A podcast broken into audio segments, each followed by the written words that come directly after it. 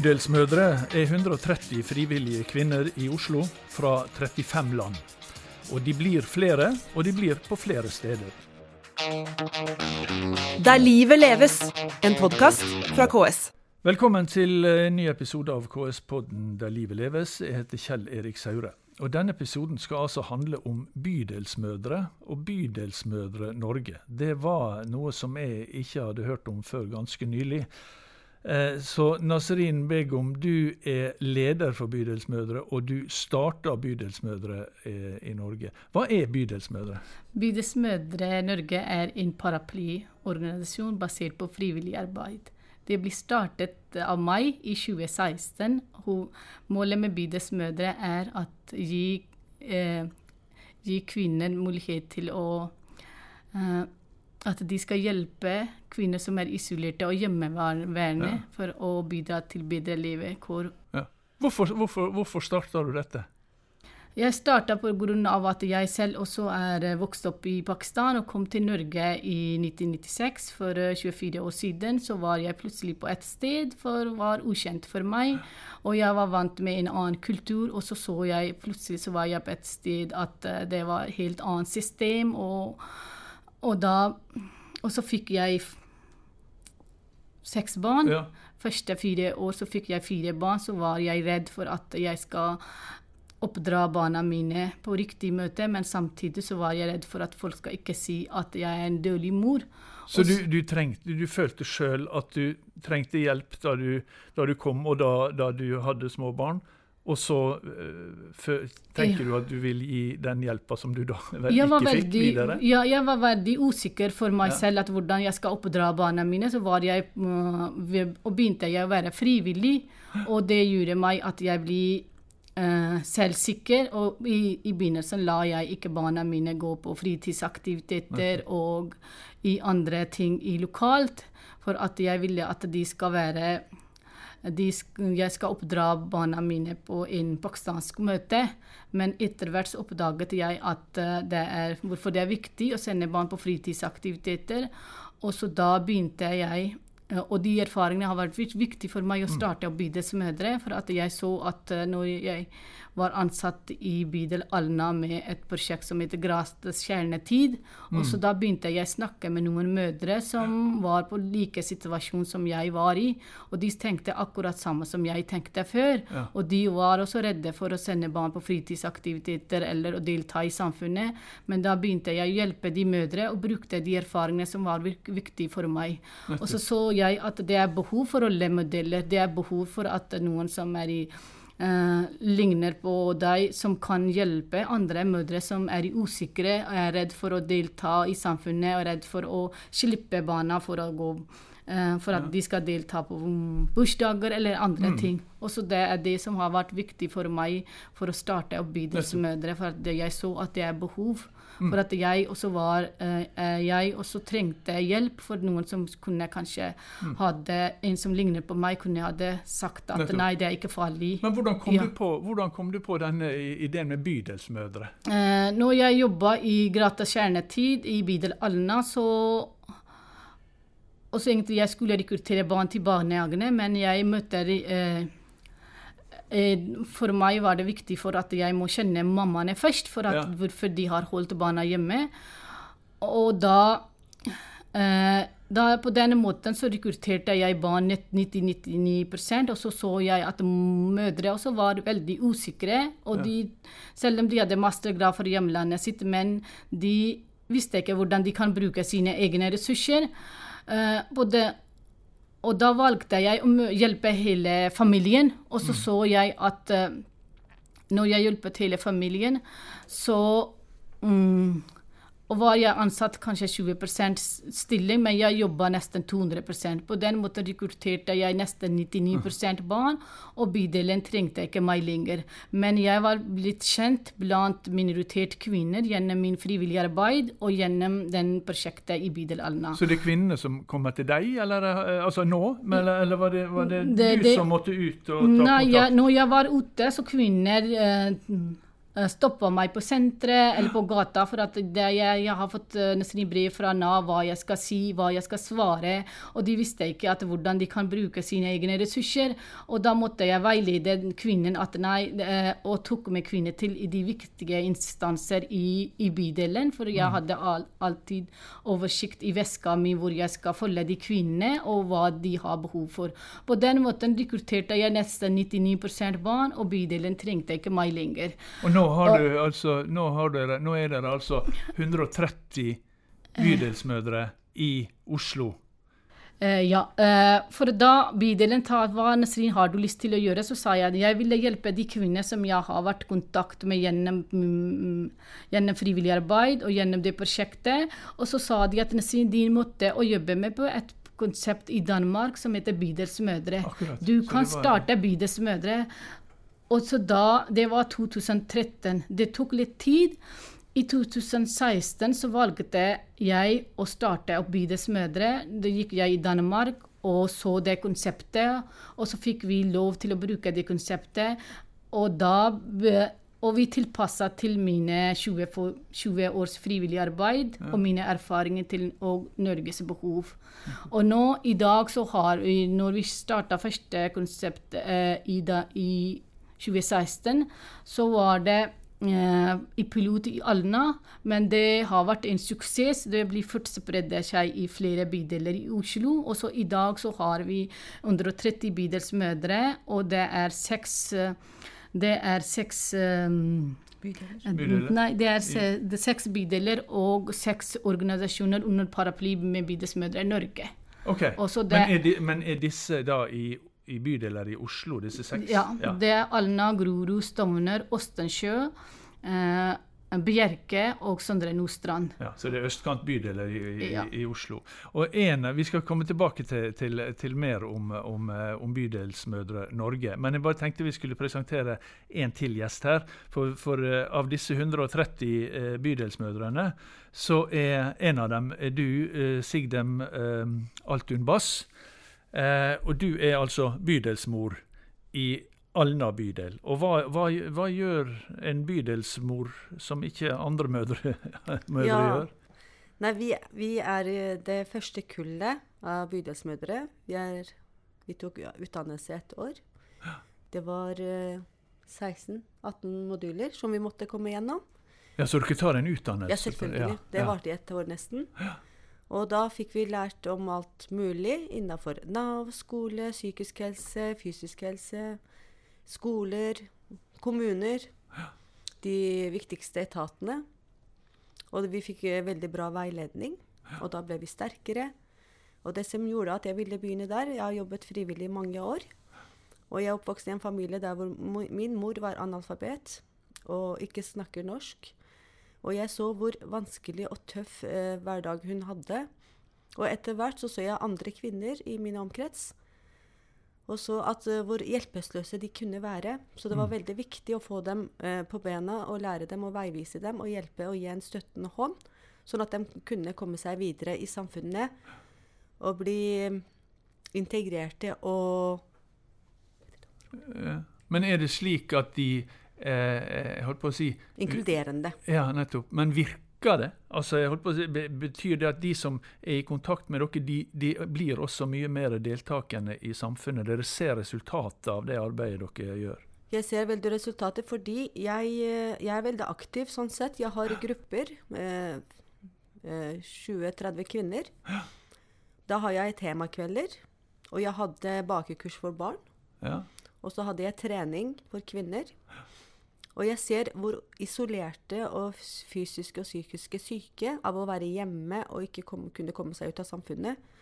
Og da uh, ser de opp for meg f.eks. Uh, de ringer meg, oppsøker meg uh, for å få hjelp og veiledning. Mm. Og, hvor mange, hvor mange mødre er dere i, i Alna bydel i Oslo? Bydelsmødre, vet du det? Eller Jobber dere sammen, eller jobber vi, du med dine Nei, jeg jobber med mine, men vi har ja. felles uh, aktiviteter også som vi gjør sammen. Nettopp. Okay. Og vi har møte en gang i måneden, og vi har styre. Vi har uh, veldig sånn seriøst opplegg. Og vi uh, ringer hverandre døgnet rundt når vi Ja, trenger ja, uh, veiledning og informasjon. Mm. Og hvis ikke jeg klarer å løse en opplegg eller en problemstilling, så sender jeg videre til en av mine kolleger. Mm. Og Nasrin eh, Begum, eh, eh, dette var altså noe som du starta opp da i 2016. Og nå, eh, fire år etterpå, så er dere 130, men det er fortsatt bare i Oslo. Men her skjer det ting. Skal dette videre ut i andre kommuner? Ja, vi har startet i år i fire nye kommuner, og det er Grong, Levanger eh, og Kvam. Oh, ja. Og Drammen er vi Så ikke bare storby, altså? Ja, så altså, de andre, Nordre Follo, også er vi i kontakt med. Og Kristiansand også har de lyst til å starte opp. Ja. Men det blir flere bydelsmødre kommer til å bli i slutten av året. ja. Og, og, men blir, blir det da eh, en del av den organisasjonen Ja. eh, som, som, som du driver her? Vi har tilpasset konseptet til bygdemødre. For at det er samme konsept, men pga. store lav Ja. avstander, så, så de kan møte ikke en gang i mm, uka. De kan kanskje ha de samme modulene eh, i helgene. Mm. Så da blir det både bydelsmødre og bygde, bygdemødre? De heter bydelsmødre, men vi har Ja. tilpassa til bygdemø- bygder. Ja. ja, ja, ja. uh, uh, nå, vi, vi, vi driver jo uh, vi, vi jobber jo i kommune, for kommunene. Eh, hvor, derfor så er vi interessert i å høre hvordan er samarbeidet mell, med, mellom bydelsmødrene og det offentlige, altså kommunen da, og bydelene. Ja, For min del så syns jeg det er eh, Sigden. De er veldig Tusen takk. De er veldig hjelpsomme, hjelpelige, oppsøkende. De trenger vår hjelp. De ringer oss. Uh, de ringer fra barnevernet, fagsenteret, skolen, barnehager. Og spør om vi kan være veiledende og hjelpe og tolke. Så de setter pris på våre Mm. syn. Mm.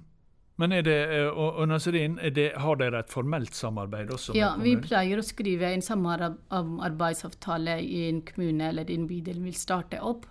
Også bydelene som vil starte opp uh, i sin bydel eller kommune, så skal de ansette eller bruke en person som 40% stilling. Og det er bydelsmødre-konseptet basert på fire faser.